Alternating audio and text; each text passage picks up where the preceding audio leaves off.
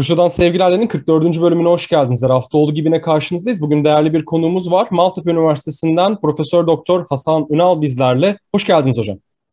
Hoş bulduk, hoş bulduk. Ee, iyi programlar arkadaşlar. Bugün Oğul'la birlikte yine sorularımızı hazırladık ve farklı coğrafyalara temas etmeye çalışacağız. Öncelikle geçtiğimiz haftalardan itibaren gündemi oldukça sarsan bir konuya değinmek istiyoruz. Hasan Hoca'nın Kırım ve Kuzey Kıbrıs üzerinden yapmış olduğu bir tanımlama vardı. Eğer Türkiye Kırım'ı tanırsa, aynı şekilde Rusya'da Kuzey Kıbrıs'ı tanırsa ikili bir aslında fayda mekanizması ortaya çıkartıp karşılıklı bir durum oluşturabilirler şeklindeydi ve bu söylem Kremlin'in en üst noktalarına kadar ulaştı ki Kremlin sözcüsü Dimitri Peskov'a bu soru soruldu. Peskov bir yanıt verdi. Hasan Hoca'ya göre tam hayır da demedi ama tam evet de demedi. Rusya kendi toprakları üzerinden bir pazarlık yapmaz dedi. Öncelikle Hasan Hoca iki soru birden yöneltmek istiyorum. Bir, neden böyle bir ikili mekanizmanın işe yarayacağını düşünüyorsunuz karşılıklı olarak? İkincisi de Kremlin'in tutumunu nasıl görüyorsunuz? Şimdi benim Rusya ile Türkiye ilişkilerinde bir sıçrama olacağına dair düşüncem iki temel e, iki temel veriye dayanıyor. Bunlardan birisi şu. Belki de en önemlisi dünyanın çok kutupluluğa evrilmiş bulunması. Dünya artık tek kutuplu değil, iki kutuplu da değil. Dünya çok kutuplu. Bunu Amerikalılar da kabul ediyorlar giderek istemeseler de. Hatta e, Amerika'daki bir takım yayınlarda ve değerlendirmelerde bu çok kutuplu dünyada Amerika'nın en büyük güç olarak varlığını sürdürdüğü e, not edilmekle birlikte yakın bir gelecekte Amerika'nın en büyük ikinci güç haline gelmesinin kuvvetle muhtemel olduğunu ve ona göre o zaman Amerika neyi, nerede, nasıl yapacaktır? Bunun üzerine kafa yormak lazım geldiğinde konuşuyorlar. Şimdi çok kutuplu dünya düzeni esasında güç dengeleri siyaseti açısından ele alındığında dünyadaki esas düzendir. Yani dünyada siyasi tarihi bayağı geriye doğru kafamızda taradığımızda dünya düzeninin esasının çok kutupluluk olduğunu görürüz. Bu çok kutuplu dünya düzeninde zaman zaman devletler bir belli bir konuda üstünlük sağlamaya çalıştıklarında veya birbirlerinin yükselen gücü karşısında endişeye kapıldıklarında bir araya gelerek ikili kutuplar oluşturabilirler. Örneğin Birinci Dünya Savaşı'na giden yüzyıllar çok kutupluluk esaslı olmakla birlikte savaşlar yaklaştığı zaman ki Birinci Dünya Savaşı'ndaki savaşı örneğini verebiliriz. E, Avrupa'nın altı büyük devleti iki kutuba bölünmüştü. İngiltere, Fransa, Rusya bir tarafta, Almanya, Avusturya, Macaristan ve İtalya öbür tarafta olmak üzere. Buna Balkan ülkeleri ve diğerleri de kademeli bir, şey, bir şekilde dahil olmak durumunda kaldılar. İki kutupluluk ve hele hele tek kutupluluk ise bir istisnadır dünya sisteminde, e, dünya siyasi tarihinde. Dolayısıyla dünya e, düzeni, güç dengeleri açısından olması gereken noktaya doğru gelmiş bulunuyor. Şimdi çok kutuplu bir dünya düzeninde Türkiye gibi artık orta büyüklükte ve bölgesel değil bakın, bölgeler arası bir güç olan Türkiye gibi bir devletin eline çok fırsatlar, imkanlar geçecek. Şimdi mesela Atatürk dönemi dış politikasını çok başarılı buluruz. Milli mücadeleden başlayıp 1939'a hatta 45'e kadar getirebiliriz bunu kaba hatlarıyla. Bu dönemin başarısının en önemli unsurlarından birisi dengeli, dikkatli, ulusal çıkar esaslı bir dış politika izlenmekle birlikte buna ilaveten o dönemlerin çok kutupluluk içermesidir çok kutuplu bir dünya düzeninde farklı ülkelerle farklı zamanlarda farklı konular üzerinde işbirliği yaparsınız. Hiç kimsenin öbürüne ama sen benle iyiydin, niye öbürüyle şu işbirliğini yapıyorsun demeye hakkı yoktur. Bu noktaya doğru geldik. Şimdi böyle bir dünyada Türkiye gibi orta büyüklükte olup ama bölgesel değil, bölgeler arası güç projeksiyonu yapma kabiliyeti olan bir devletin eline çok daha fazla imkanlar ve fırsatlar geçecektir. Yeter ki bunları az önce söylediğim gibi Atatürk döneminde olduğu gibi ulusal çıkar esaslı, nüansları iyi ayarlanmış, dış politika tercihleriyle üstlenmek, dış politika tercihleriyle yönetmek ve bunları ince ayarları çok iyi yapılmış şekilde de diplomasiye diplomasi de uygulamak mümkün olsun. Yani bunlar yapıldığı takdirde Türkiye'nin eline çok fırsatlar geçecektir. Şimdi burada demek ki bu çok kutuplu dünyada Türkiye'nin kuzeyindeki Rusya gibi bir devletle ya da bir devletle ilişki şöyle söyleyeyim o kuzeyindeki Rusya büyüklüğündeki ve önemindeki çünkü Rusya bir yönüyle bir bölgesel güç bir yönüyle de küresel bir güç.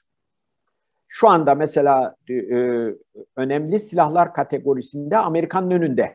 Dolayısıyla Rusya'nın böyle kendine has özellikleri var. Ayrıca coğrafyası da dünyanın en büyüğü. Bizim tarafımızda olduğu gibi aynı zamanda ciddi bir Avrupa devleti, öbür taraftan bir uzak doğu devleti. Şimdi böyle bir devletle Türkiye ilişkilerini sadece Batı ittifakının belirlediği çizgiler içinde yürütemez. Bunun ötesinde ilişkiler kurmak zorundadır. Yani bunun ötesinde ilişkileri ulusal çıkarlara mecbur etmektedir. Bu hem ticari olacaktır, hem ekonomik olacaktır, hem de son yıllarda gördüğümüz gibi siyasi ve hatta askeri ilişkiler de olacak. Şimdi Türkiye sıradan bir NATO üyesi ülke değil. Yani Türkiye bir Belçika değil. Bir ne bileyim e, Avrupa'daki herhangi bir e, diğer ülkelerden bir tanesi değil. E, onlar gibi Rusya ile ilişkilerini genel hatlarıyla NATO'nun belirlediği çizgilerin içerisine, çerçevenin içerisine hapsetsin ve bu şekilde yürütsün. Kaldı ki Avrupa ülkelerinde bile Avrupa ülkelerinde bile Rusya'ya yönelik dış politikalarında nüanslar görüyoruz. Örneğin Almanya hiçbir zaman Amerikan dolduruşuna gelmemeye dikkat ediyor. Neden? Çünkü Rusya'ya muazzam miktarda mal satıyor. Rusya'dan muazzam miktarda kaynak satın alıyor. Rusya'ya Rusya'dan aldığı doğal gaz ve diğer ürünlerin bedelini kendi e, endüstriyel ürünlerini satarak fazlasıyla ödüyor. Ve şöyle bir durumda yani e, Almanya'da e, pek çok çevre ki siyaset belirlemeye önemli katkılar e, yapan çevre diyor ki kardeşim Rusya'nın kaynakları, bizim teknolojimiz, sermayemiz, Rusya'daki bilimsel seviye, Rusya'da o da var. Bu coğrafyada muazzam bir sinerji yaratır. Yani biz Almanlar ve Ruslar olarak bu coğrafyada neden sürekli olarak savaşalım? Yani savaşmak zorunda mıyız? Artık bunu bırakıp ekonomik ilişkilerin en fazla nasıl artırabiliriz? Bunun üzerine odaklanmamız lazım. Siyasi konularda da bir mekanizma geliştirmeliyiz. Nitekim en son bu Biden'ın şeyi Ukrayna'yı Rusya'ya karşı kışkırtma krizinde Almanya'nın e, ve diğer Avrupa ülkelerinin buna Fransa bile dahil o çizgiye gelmediklerini Amerika'nın bu o, krizi büyük ölçüde e, eski Doğu Avrupa ülkeleriyle birlikte yönetmeye çalıştığını gördük. Ve o yüzden de yeterince başarılı olamadı Amerika'nın e, bu girişimleri. Şimdi özetle söylemek gerekirse bütün bunlar aslında dış bütün ülkeler açısından çok kutupluluğun bir gerçeklik olarak kabul edildiğini gösteriyor. Şimdi böyle bir dönemde ve ortamda Türkiye'nin çok kutupluluğu bir veri olarak kabul etmemesi mümkün değil. Zaten çok kutupluluk kendini mecbur ediyor Türkiye üzerine.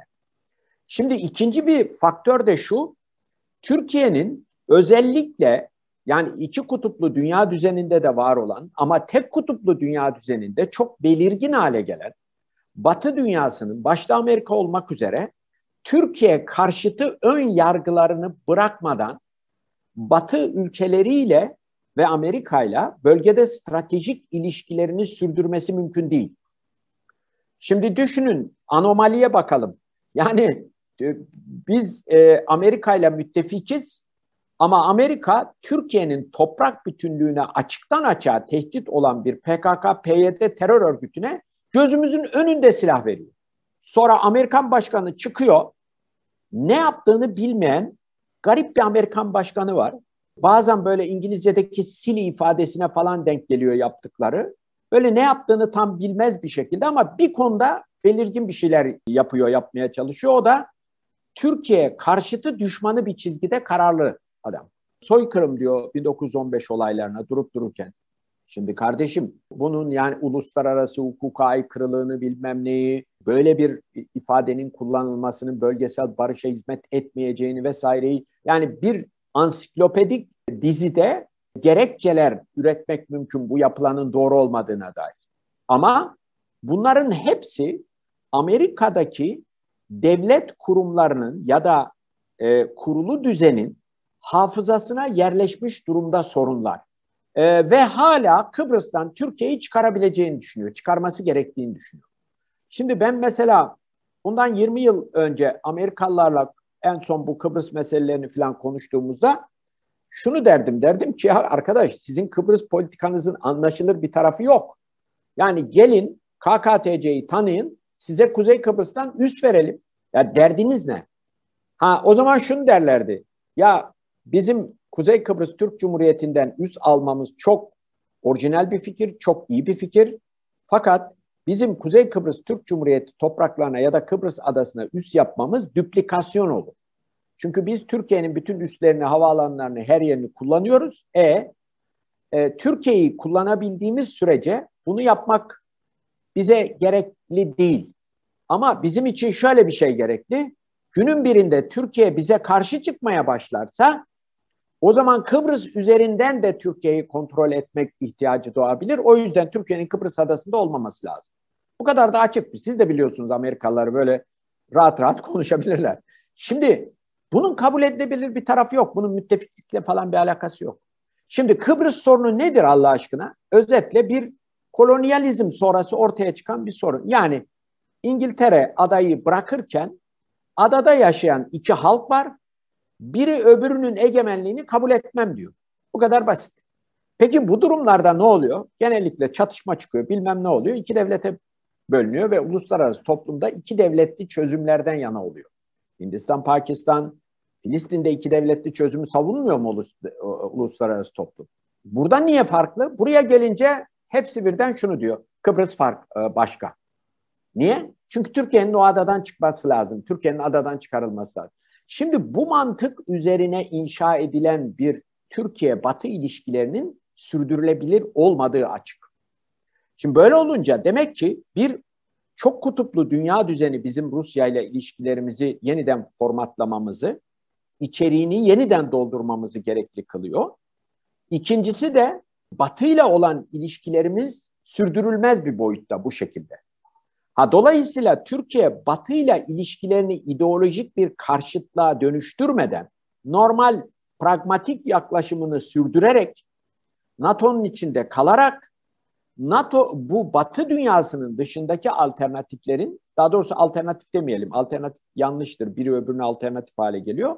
İlave bölgelerin, devletlerin hepsiyle en kapsamlı ne kadar ilişki kurabilir e, bunlara bakmamız lazım. Dolayısıyla benim Rusya ile bütün bunları yapabiliriz dememin e, altında yatan sebep bu.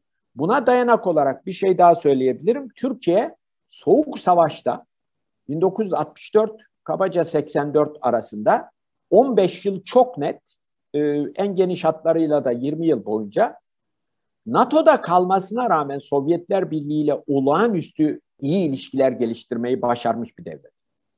Ve bu dönemde ağır sanayi yatırımlarının neredeyse tamamını Sovyet teknolojisiyle çok ucuz kredilerle bir kısmı hibe olmak üzere elde etmeyi başarmış bir ülke. Bunların da birçoğunu işte domates, patates, biber satarak e, Rusya patates değildir de domates, biber, portakal, turunçgil vesaire bunları sadece basite indirgiyorum ama Rusya'nın verdiği krediler falan çok çok ucuz kredilerdi o zaman.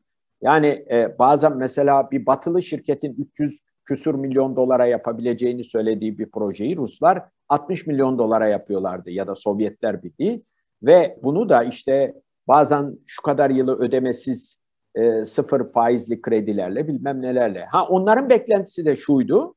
Acaba Türkiye Kuruşçev'in geliştirdiği bir projeydi. Acaba Türkiye e, NATO'dan çıkıp yeniden tarafsız bir ülke haline gelebilir mi? Örneğin Yugoslavya gibi. Ama Türkiye hiç böyle bir şey yapmadı. Hem Avrupa Birliği ile ilişkilerini geliştirmeye gayret etti. Hem NATO'nun içinde kaldı hem de Sovyetler Birliği ile bu ilişkileri sürdürdü. O zaman bunu yapabilen bir Türkiye, o zaman bunu yapmak mümkünken şimdi çok kutuplu bir dünya düzeninde niye yapamaz? Özetle bu. Şimdi şeye gelince yani bu Peskov'un e, açıklamasına sebep olan konuya gelince. Şimdi bunun özeti şu. Haziran ayının sonunda şeyde e, Rusya'da Savunma Bakanı Sergey Shoigun, Shoigun himayesinde büyük bir güvenlik konferansı toplanmıştı. Buna ben de davetliydim. E, bu konferansa ben gidemedim. Geçen yıl bu salgından dolayı iptal edilmişti. Bu yıl yapıldı. Bu sene de Türkiye ile Rusya arasındaki uçuşların yarattığı, uçuş olmamasının yarattığı sorunlardan dolayı gidemedim. Ama ben oraya bir tebliğ gönderdim. İngilizce bir tebliğ yazdım, gönderdim. Orada bu deminki sizin sorduğunuz soruların yani Türkiye ile Rusya arasında neler yapılabilir konusuna dair ayrıntılı bazı örnekler vererek böyle 2000 küsur kelimelik bir yazı gönderdim. Herhalde oradan alarak bir Rus gazeteci hanım beni Çavuşoğlu ile Lavrov'un Antalya'daki görüşmesi günü aradı ve bir mülakat yapmak istediğini söyledi. O görüşme bitip resmi açıklamalar yayınladıktan sonra bir mülakat yaptık. Onların Lenta.ru adındaki sitesinde yayınlanacağını, dolayısıyla kelime adedi gibi bir sıkıntıların olmadığını söyledi. Sonra da ben uzun uzun anlattım öyle deyince konuları Zoom'dan yaptık. Fakat iki hafta geçmesine rağmen yayınlanmadı. Sonra benimle tekrar temas kurdu. Intel bu mülakatı yayınlamak istediklerini, ciddiye aldıklarını ama bir iki daha soru sormak istediklerini söyledi. Olur dedim. Ee, Türkiye ile Rusya işte Karabağ konusunda Güney Kafkasya'da nasıl işbirliği yapabilir? Ukrayna-Rusya krizinde Türkiye ile Rusya nasıl işbirliği yapabilir gibi sorular sordu. Onlara dair de yine benim her zamanki gibi nüanslar içeren e, şeylerimle e, cevaplar verdim. Ve sonuçta yine yayınlanmadı. Yani başlangıcından sonra galiba bir 30 günden fazla bir zaman sonra bir gün sabah burada bir televizyon programındayken e, mülakatın yayınlandığını bana WhatsApp'a gelen bir mesajla gördüm ama takip edemedim. Fakat çok ilginç olan şey şu ki yayınlandığı anda Rusya'nın Anadolu Ajansı diyebileceğimiz RIA Novosti bundan Rusça ve İngilizce bir haber yapmış aynı anda. Aynı anda da o gün Kremlin'in sözcüsü Peskov işte e, gazetecileri bilgilendirme toplantısında kendisine sorulan bir soruya cevap vermişim. Ben bir yetkili değilim, bir şey değilim. Yani böyle bir şeye niye cevap verdiler, nasıl oldu, Rus sistemi bu konuda nasıl çalışıyor? E, birçok açıdan manidar unsurlar içeriyor. Fakat benim mülakatta söyle ben ne söyledim peki? Niye bu kadar önemli addettiler? Bir de Peskov orada o mülak e, o cevabında diyor ki Türkiye'nin işte saygın profesörü diyor. Beni tanımaz tabii e, söz konusu değil. Ama Türkiye'nin hükümetinin resmi görüşlerini yansıttığında söyleyemeyiz diyor. Kırım pazarlık edilemez diyor ki ben mülakatta da öyle diyorum zaten. Ama söylemediği bir şey var bence önemli. O da şu. Rusya'nın Kıbrıs politikası bellidir ve Rusya'nın bu politikayı değiştirmesi söz konusu değildir ve olmayacaktır deyip kestirip atmıyor. Bence önemli olan bu. Peki ben ne söyledim? Benim orada hem bu güvenlik konferansına yazdığım tebliğde hem de Lentaru'ya verdiğim mülakatta söylediğim özetle şu. Dedim ki Türkiye ile Rusya arasında çok geniş bir alanda işbirliği imkanı var. Fakat her iki ülkenin de bu işbirliği alanlarını bir işbirliği alanlarına işlerlik kazandırabilmeleri için politikalarını birçok alanda titizlikle gözden geçirmeleri gerekiyor. Şimdi mesela orada örnek verdim. Dedim ki ya Rusya Dışişleri Bakanlığı habire Kıbrıs'la ilgili herhangi bir şey olduğunda hemen kendisine en fazla Batı dünyasında kafa tutan İngiltere ile bir araya gelip bu da garip bir şey. İngiltere ile birlikte Türkiye'nin iki devletli çözüm projesine karşı çıkıyor ve Kıbrıs'ta işte Birleşmiş Milletler parametreleri çerçevesinde bir tek devletin kurulmasını istiyor. Peki dedim yani kardeşim siz şurada Mos Moskova'da bulunan en akıllı adam bana anlatabilir mi? Bundan Rusya'nın ne çıkarı olacak? Çünkü iki devletli bir çözüm şey tek devletli bir çözüme ulaşılmış bir Kıbrıs adası Avrupa Birliği toprağı olur toptan.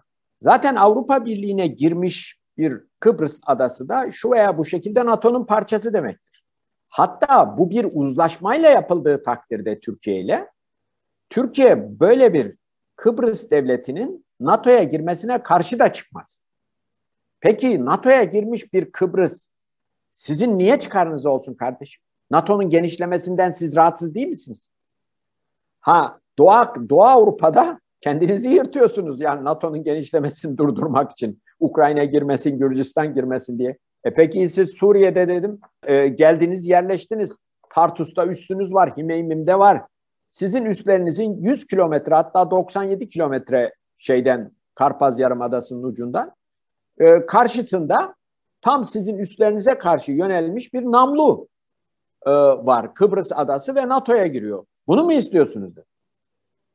Ha, yani bunun dolayısıyla Rusya'nın bu Kıbrıs politikasını bir değerlendirmesi lazım. Yani ta Soğuk Savaş döneminden kalma lafları Rus Dışişleri Bakanlığı hemen copy paste yapıyor. Tık tık tık tık herhangi bir şeyde yayınlıyor. Aynen bu cümlelerle yazdım zaten paper'a falan. Mülakatta da bunları söyledim. Yani tam şey e, nedir? E, kopyala yapıştır yöntemiyle. Şimdi peki bunu söylediğimde ama şunu da itiraf edeyim. Aklı başında Ruslarla bunu konuştuğum, tartıştığımda onlar da diyor ki hocam haklısın. Ama biz bunu yaptığımızda Türkiye bize ne verecek diyorlar haklı olarak. Hani biz Kıbrıs politikamızı gözden geçirirsek Türkiye'nin hangi politikasını gözden geçirecek ki bizim işimize gelecek? Ha orada da Türkiye'yi eleştiriyorum. Diyorum ki bir defa Türkiye'nin 2011 yılında bu Suriye işine girmesi yanlıştı.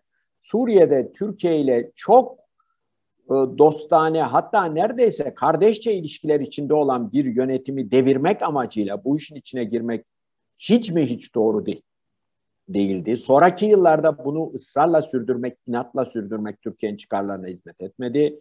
Bugün 10. yılını geçmiş, e, doldurmuş olan Suriye Savaşı'nda en fazla zararı Suriye devletinden sonra Türkiye görmüştür diyorum.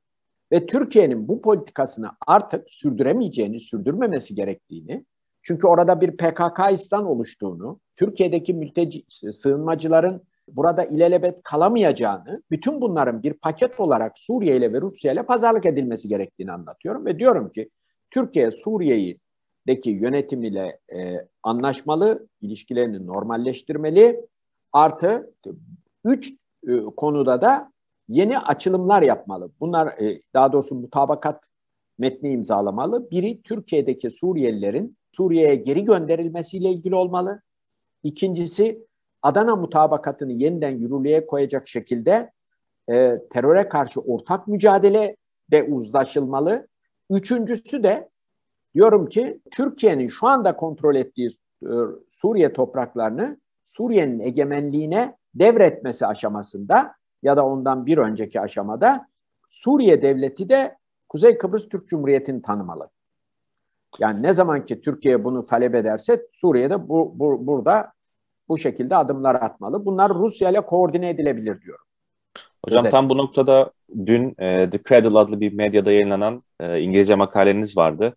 E, evet. bu parmak bastığınız noktalara işaret eden. Benim aslında sorum biraz daha hani Rus ve Suriye tarafının geleceğe yönelik Türkiye adına ümit verici adımlar atıp atamayabileceğine e, sorgulamak. Ermeni soykırımı konusunda Rusya mesela ABD'den daha önce soykırım olarak tanıdığı, YPG'ye dair işte Moskova'daki ofisleri vesaire söylentileri var. Üstüne e, siz Suriye konusunda Türkiye'de çok cesur şeyler söyleyen, e, önemli e, yorumlarda bulunan bir e, akademisyensiniz. E, ve bu son önerileriniz, son bahsettiğiniz üçlü madde e, aslında Türkiye'nin işte 2012'den, 2011'den bu yana yaptığı yanlışların büyük çoğunu düzeltmeye yönelik. Peskov'un da yani Kremlin'in artık Rusya'da en üst makamların sizin makalelerinizi ve e, röportajlarınızı dikkate aldığını ya da e, kendi siyasetlerini yansıtacak şekilde manipüle ettiklerini düşünürsek e, siz Rusya ve Suriye tarafının bu bahsettiğiniz adımları atabileceğini düşünüyor musunuz? E, ve söyleşiyi biraz daha şey yapmak adına Kıbrıs üzerindeki bu tanınma meselesinin uygulanabileceğini e, düşünüyor musunuz? E, düşünüyorum.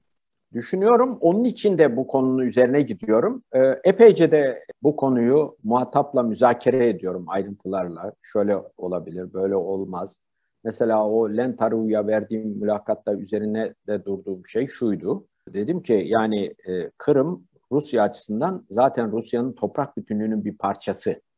Rusya gelin burayı tanıyın diye kimseden talepte bulunmaz. Yani zaten Rusya'nın toprağı. O öyle diyor. Ha, Rusya'nın tezleri belli bu konuda. Ha biz de diyoruz ki hayır Ukrayna'nın toprak bütünlüğünün bir parçası. Burada Türkiye esas e, Rusya ile bir paket pazarlığı yapmalı. Yani bu paketin en önemli unsuru Suriye konusu olmalı. Karadeniz'deki pozisyon olmalı. Yani Karadeniz'deki pozisyonumuz da şu olmalı. Biz aynı anda Rusya ve Ukrayna'ya mesafeliyiz. Onlar arasındaki sorunların barışçı yollarla çözümlenmesini isteriz. Ama mesela Ukrayna e, Kırım'ın Ukrayna'nın toprak bütünlüğünün parçası olduğu yönündeki ifademizi de sürekli söylemekten vazgeçeriz. Hatta, Güney Kafkasya için de benzeri bir şey öneriyorsunuz sanırım. Evet diyorum ki Güney Kafkasya'da zaten yürüyor iş. Evet, Şöyle evet. yürüyor. Şu anda Türkiye ile Rus askeri birlikleri orada koordinasyon merkezinde birlikte çalışıyorlar. Burada bir sorun yok zaten. Ee, Azerbaycan'ın orada üstünlük kurmasına Rusya'nın prensip olarak da çok büyük bir şey yok. İtirazı yok. Yani bunun ötesinde mesela pantürkist bir takım çabaları filan Türkiye yönlendirmediği takdirde yani Amerikan merkezli pantürkist çabalara Türkiye destek vermediği takdirde ki Allah'tan böyle çabalar da yok ortada. Çok iyi bir şey bu. Bu çerçevede zaten e, Türkiye ile Rusya'nın ilişkilerini bozacak potansiyel bir barut fıçısı da yok ortada. Bir tek bu Suriye'de İdlib Midlib meselesi var. Batılıların üzerine en çok umut bağladığı konularda İdlib zaten. Eğer Türkiye Suriye ile bu sorunları Rusya'nın da yardımıyla, desteğiyle çözebilirse bir de şunu unutmayalım. Ben Türkiye'nin Suriye ile uzlaşırken Suriye'ye kendi taleplerinin büyük bir bölümünü kabul ettirebileceğini de düşünüyorum. Çünkü Suriye'nin kendi topraklarında egemenlik tesis etmeye ihtiyacı var. Bunun için ne kadar Türkiye'den ve şu andaki Türkiye yönetiminden nefret ediyor olsalar da e, bunlara mecburlar, yapmak zorundalar. Kendileri de eminim bunun farkındalar. Ha böyle bir gidişat Rusya açısından da çok büyük bir zafer olur zaten. Şimdi dolayısıyla bu çerçevede ele aldığımızda yani Türkiye'nin kalkıp da ben Kırım'ı Rusya'nın toprak bütünlüğün parçası olarak tanıyorum demesine ihtiyaç yok zaten. Ben o röportajlarda da bunu söylüyorum. Esas uzlaşma büyük bir paket üzerinde olacaktır. Ve onun içinde ticari konuları derinleştirme, daha fazla ekonomik e, girişim, daha fazla ortak yatırım vesaire bu konulara da el atılabilir. Yani Rusya'nın kendi içinde çok ciddi bir pazarı var, geniş bir e, geniş kaynakları var. Bu alanlarda Türk şirketleri e, çok ama çok başarılılar.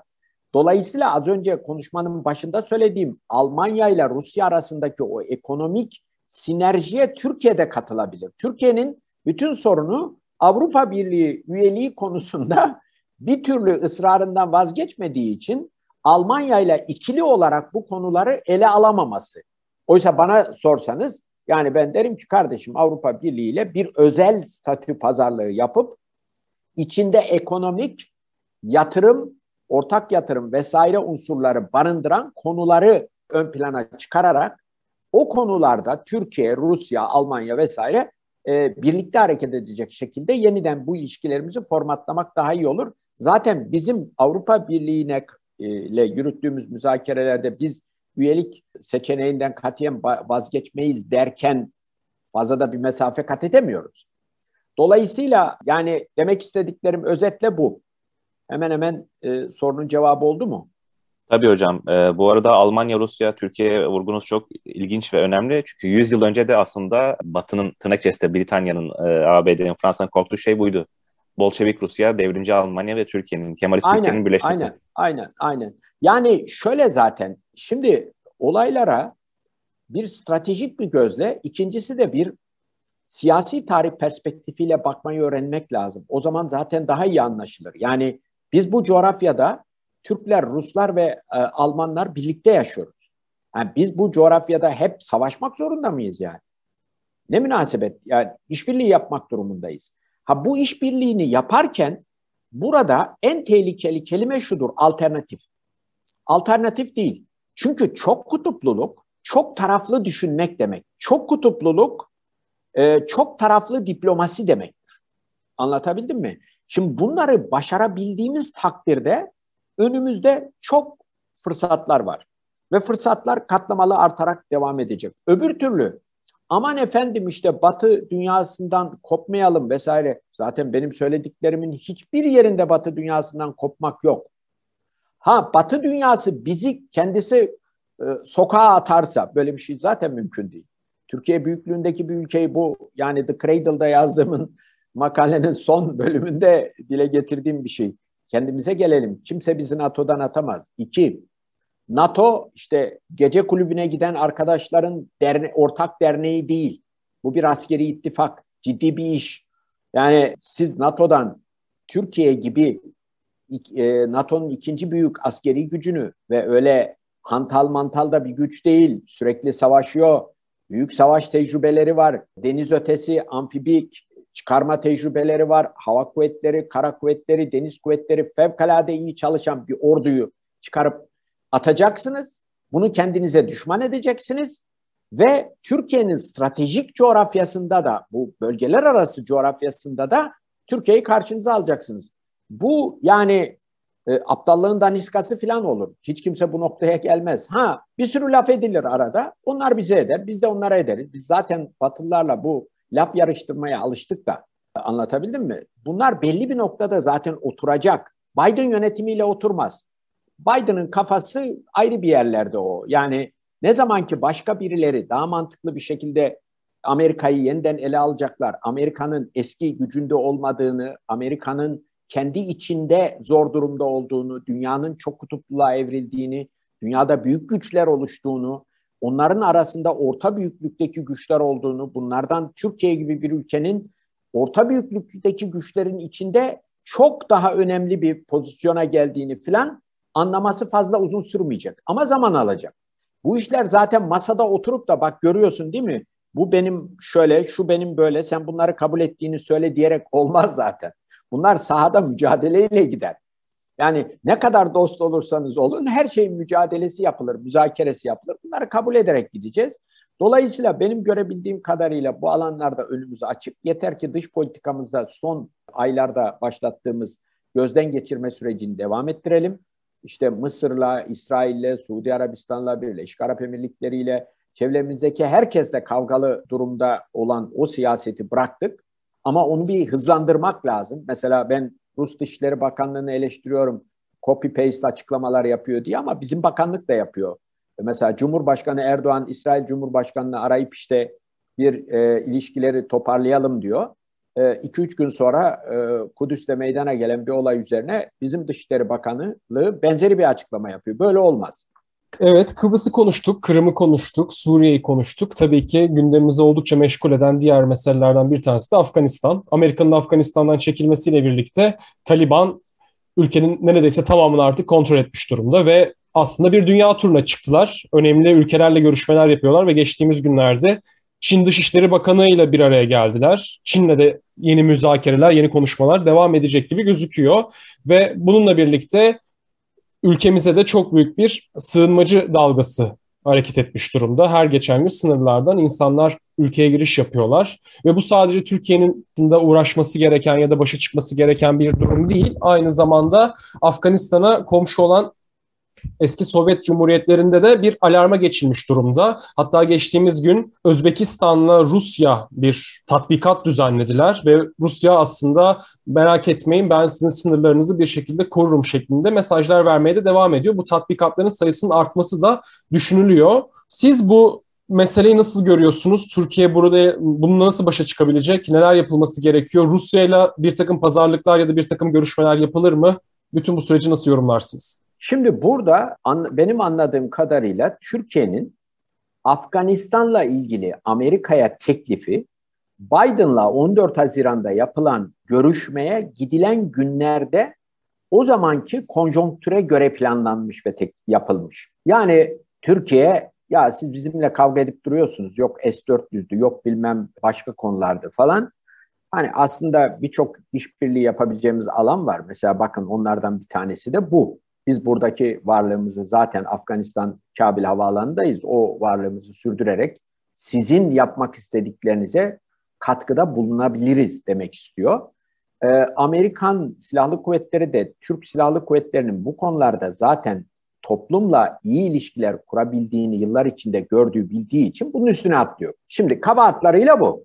Bunun içinde bir varsayım var ama. Varsayım şu. Yani Amerika oradan çekilecek ama Afgan hükümeti yerinde kalacak. Ne kadar kalacak? İnşallah hep kalacak. Ama ya da en azından birkaç yıl dayanacak. O arada işte Türkiye, diğerleri falan az çok yardımcı olacak falan ve bu Afgan hükümeti kalacak. Afganistan'ı Taliban ele geçirmeyecek veya Taliban'la Afgan hükümeti bir uzlaşma içine girecek. Yani bir sürü senaryo olabilir. Fakat şimdi neyi gördük? Amerikan başkanı çekilme takvimini açıkladığı andan itibaren Afganistan sizin de söylediğiniz gibi büyük ölçüde Taliban'ın kontrolüne giriyor. Yani bu şeye döndü, Vietnam senaryosuna döndü. Amerika çekiliyor ve Saigon düşüyor. Şimdi önceleri mesela 3 yıl minimum ayakta kalabilir denilen Afgan hükümetiyle ilgili en son 6 aya düşürmüştü istihbarat kuruluşları senaryolarını. Şimdilerde öyle bir hale geldi ki en son Amerikan uça- e, askerleri en son helikopterlere ve uçaklara binip havalandığında bu iş bitmiş olacak. Şimdi eğer bu iş böyle olacaksa o zaman birinci senaryo üzerinden Afganistan'da kalmak mantıklı değil. Çünkü o senaryo gerçek değil artık. Ha, çünkü birinci senaryoda neydi? Afgan hükümeti var. O hükümetle e, o hükümeti tanıyan batılı ve doğulu neyse çok sayıda devlet var. Onların diplomatları geliyor gidiyor olacak. Aileleri vesaire. E bunların işte orada Kabil havaalanına güvenle inmeleri, oradan nakledilmeleri, oraya getirilmeleri, götürülmeleri gibi muharip olmayan, bakın biz 20 senedir oradayız ama 20 yıl boyunca hiçbir şekilde muharip bir görevin içine girmedik, biz savaşmadık orada. Yani oradaki e, Amerika'nın geliştirdiği teröre karşı mücadelenin parçası olmadık. Belki de o yüzden zaten bizim silahlı kuvvetlerimiz orada başarılı oldu. Kimse bize bir şey demedi. Biz herkes için Afgan halkı için iyi şeyler yap. Ha şimdi orada Afgan hükümeti ayakta kalamayacağına göre biz o zaman kimin için o havaalanını orada tutmaya çalışacağız? Çünkü Taliban diyor ki benim için o havaalanını senin koruman, işletmen gerekmiyor. Ben kendim yaparım diyor. İki, Taliban'ı batılı hükümetler tanıyacaklar mı? Büyükelçiliklerini sürdürecekler mi? Bazı batılı hükümetler biz Taliban'la anlaşırız, gideriz, konuşuruz, devam ederiz havasındalar. Şimdi bu böyle devam edecek mi? Bunların hepsi soru. İkinci senaryo şu. Taliban hem ideolojisinden ideolojisinde değişiklikler yaparak hem taktiklerinde, söylemlerinde değişiklikler yaparak ve çevre ülkeleriyle müzakere ederek yeni bir hükümet kurabilir mi orada? Yani bu da neyle olur? İşte az önce söylediğiniz gibi Çin'le görüşerek olur.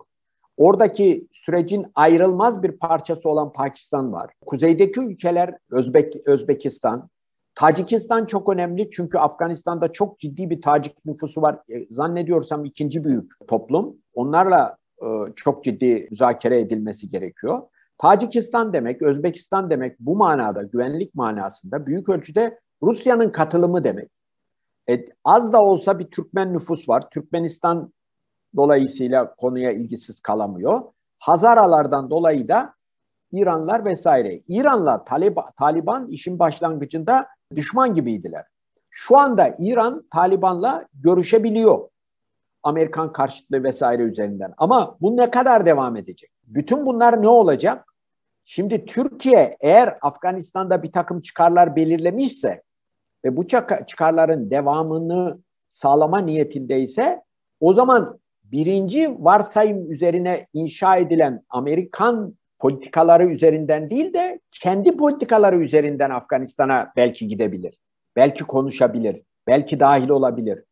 Ama onun ötesinde yani o birinci senaryo büyük ölçüde ortadan kalkmış durumda. Ben o açıdan yani Türkiye'nin bu Afganistan senaryosunun gerçekçi olmadığını düşünüyorum. Maalesef Amerika'nın politikaları yüzünden Türkiye'nin komşu ülkeleri e, en fazla sığınmacı üreten ülkeler haline dönüştüler. Mesela Suriye yıllar boyunca böyle değildi. Mesela bizim sınırlarımız açıktı. Yüz binlerce, milyonlarca Suriyeli Türkiye'ye geldi, e, kaldı, geri gitti vesaire. Hiçbir biz açız ya da siyasi olarak perişan durumdayız diyerek kitleler halinde Suriyelilerin Türkiye'ye iltica etmeye çalıştığına şahit olduk mu? Olmadık. Ee, aynı şey Irak için geçerli. Buralarda devlet düzenleri ortadan kalkınca başka gruplar o coğrafyayı kullanıyorlar e, sığınmacı tranziti için vesaire. Şimdi demek ki bir sınır, sınırımızdaki ülkeler var. İki, sınırımızdaki ülkelerin bir ötesi mesela Afganistan. Hatta Pakistan'da çok sığınmacı üreten bir ülke. Ama Türkiye 1948 Mülteciler Sözleşmesi'ni haklı olarak 51'de yürürlüğe giriyor bu. 61'de Türkiye taraf oluyor. E, coğrafi rezervlerle uyguluyor. Ki bence bu doğru bir şey. Yani ancak batılı demokratik ülkelerden bize mülteci, iltica etmek isteyen biri gelirse onu kabul ediyor. Teorik olarak. Bu da teorik bir durum. Yani İngiltere'den birisi kaçıp gelecek. Diyecek ki ben şeyim IRS sempatizanıyım ama terörle bağlantım yok bilmem ne ama İngiliz istihbaratı bana kötü muamele ediyor. İngiliz polisi beni ikide bir içeri alıyor. Ben siyasi görüşlerimden dolayı kötü muamele görüyorum. Dolayısıyla ben Türkiye'ye iltica etmek istiyorum diyebilir. Dolayısıyla onunla ilgili bir iltica süreci başlatmak durumundadır Türkiye. Suriyeliler özel bir durum. Onlarla ilgili geçici sığınmacı statüsü belirlemiş Türkiye. Bunun da çoktan süresinin dolmuş olması gerekirdi. Orada zaten yapılan büyük yanlışlar var. Şimdi Afganlara gelince kabaca 18 ile 28-30 yaşında genç erkekler ellerini kollarını sallayarak Türkiye'ye geliyorlar. Ellerini kollarını sallayarak ve gruplar halinde caddelerde, sokaklarda dolaşıyorlar. Ve bu şöyle deniyor, deniliyor ki efendim işte Afganistan'dan, Taliban'dan kaçıyorlar. Böyle bir şey olamaz. Taliban'dan kaçıldığına dair bir görüntü yok elimizde. Sonra bazı laflar, efendim bunlar Amerika'nın orada kullandığı gruplarmış, şimdi Amerika gidince kaçıyorlarmış. E biz ne yapalım? Amerika bindirsin uçaklara bunları, Amerika'ya götürsün. Hani vardı ya Guam Adası falan, oraya götürsün. Ya biz ne yapacağız yani? Türkiye bir sığınmacı cenneti bir ülke olamaz ki. Nitekim hükümet de bunu kabul edip burası Amerika'nın işte ne dediler tam e, Amerika'ya gidecek sığınmacıların geçici iskan alanı değildir ya da sığınmacı deposu değildir falan gibi açıklama yapmak zorunda kaldılar. Kısacası bu Afgan mülteci, sığınmacı diyerek e, özellikle sosyal medyada yer alan görüntüler ile ilgili olarak hükümetin bir politika belirlemesi, bir açıklama yapması, bir duruş sergilemesi lazım. Bu bu şekilde kabul edilemez. Yani e, e, aksi takdirde bu tür gevşek konuşmalar şuraya götürür Türkiye'yi. Her yerden, şimdi şu anda hepimiz biliyoruz ki bu alanlarda çalışan, kafa yoran hepimizin bildiği bir şey var.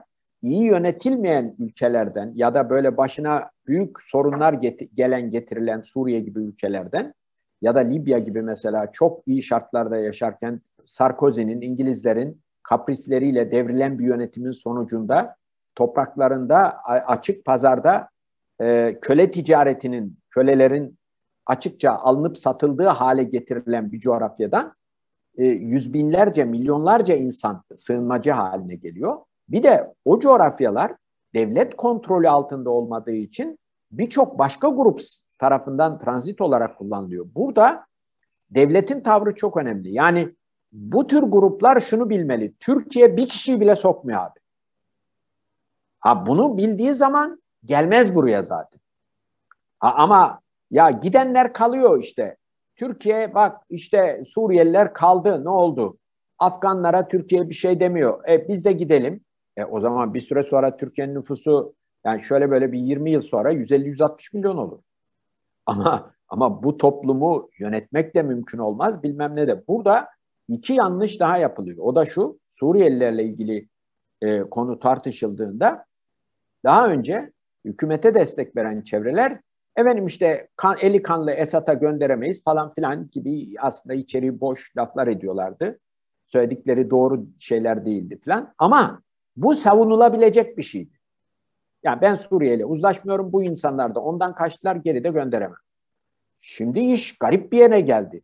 Yok efendim Balkanlardan gelenler olmuş Türkiye'ye, Kafkaslardan gelenler olmuş. Önce onlar geri gitsinlermiş.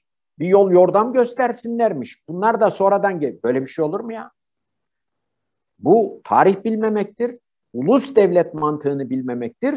Yüz yıldır bu bölgede yaşanan bir ulus devletleşme sürecinin inkarı demektir. Türkiye'ye çok ama çok büyük bir e, yanlış demektir. Bunun altı, bu yanlışların altından Türkiye kalkamaz. İkinci bir şey de efendim bunlar ucuz işçi olarak çalışıyor da bilmem ne de bunlar giderse e, Türkiye'nin ekonomisi çöker. Bu da çok garip bir şey. Çünkü şunu kabul etmiş oluyorsunuz. Bu insanlar o zaman Türkiye'de demek ki e, kayıt dışı olarak çalışıyor. Kayıt dışı olarak dükkan açıyor. E peki burada kayıt içinde çalışan, kayıt içinde çalıştırıldığı için işsiz kalan, burada normal bakkalı olup karşısına Suriyeli birinin e, ruhsatsız, vergisiz bakkal açıp buradaki bakkalı iflasa zorlamasını hepsini normal mi kabul ediyorsunuz? Yani akıl dışı bir durum var. Yani dolayısıyla e, şey e, azaldıkça hani e, mesela neden bunları geriye göndermiyorsunuz diye toplumdan gelen tepkiler arttıkça ve ona karşı e, ortaya konulan argümanlar azaldıkça bu sefer tartışma abuk subuk bir noktaya geldi. Bunların kabul edilebilir bir tarafı yok. O yüzden ben bu Suriyelilerle ilgili Suriye hükümetiyle uzlaşmanın çok önemli olduğunu düşünüyorum. Çünkü onları göndermeye başladığınızda, onları göndereceğinizi ortaya koyduğunuzda başkaları gelmez zaten. Ha bunu transit geçiş olarak yapan profesyonelce bir kısmı yakalanan, bir kısmı yakalanmayan ama bir şekilde Türkiye topraklarına girip yine o transitçilerin yardımıyla en yakın Yunan adasına kendisini atmak isteyenler olabilir. Bu devam edecek olabilir. Bu tabii beraberinde Avrupa Birliği ile yapılan o geri dönüş anlaşmalarını falan da beraberinde e, sorun olarak getirecektir. Bunların hepsi bir paket olarak değerlendirilmelidir ama Türkiye'ye bu tür zaten sığınmacı gelişine izin vermezseniz bütün sorun Avrupa Birliği açısından da bitiyor demektir. Yani buna izin verilemez. Verilmemeli. Çok teşekkür ederiz hocam. Programımıza geldiğiniz ve katkı verdiğiniz için. Ne demek? Ben çok teşekkür ederim. Çok sağ olun. Ederim. Çok tanıştığımıza memnun oldum arkadaşlar. Öyle. E, görüşmek üzere. Hoşçakalınız. O halde Rusya'dan sevgilerlerini bu bölümünde kapatabiliriz. 44. bölümümüz böyleydi. Gelecek hafta tekrardan bir araya geleceğiz. Şimdilik kendinize iyi bakınız. Hoşçakalın diyoruz.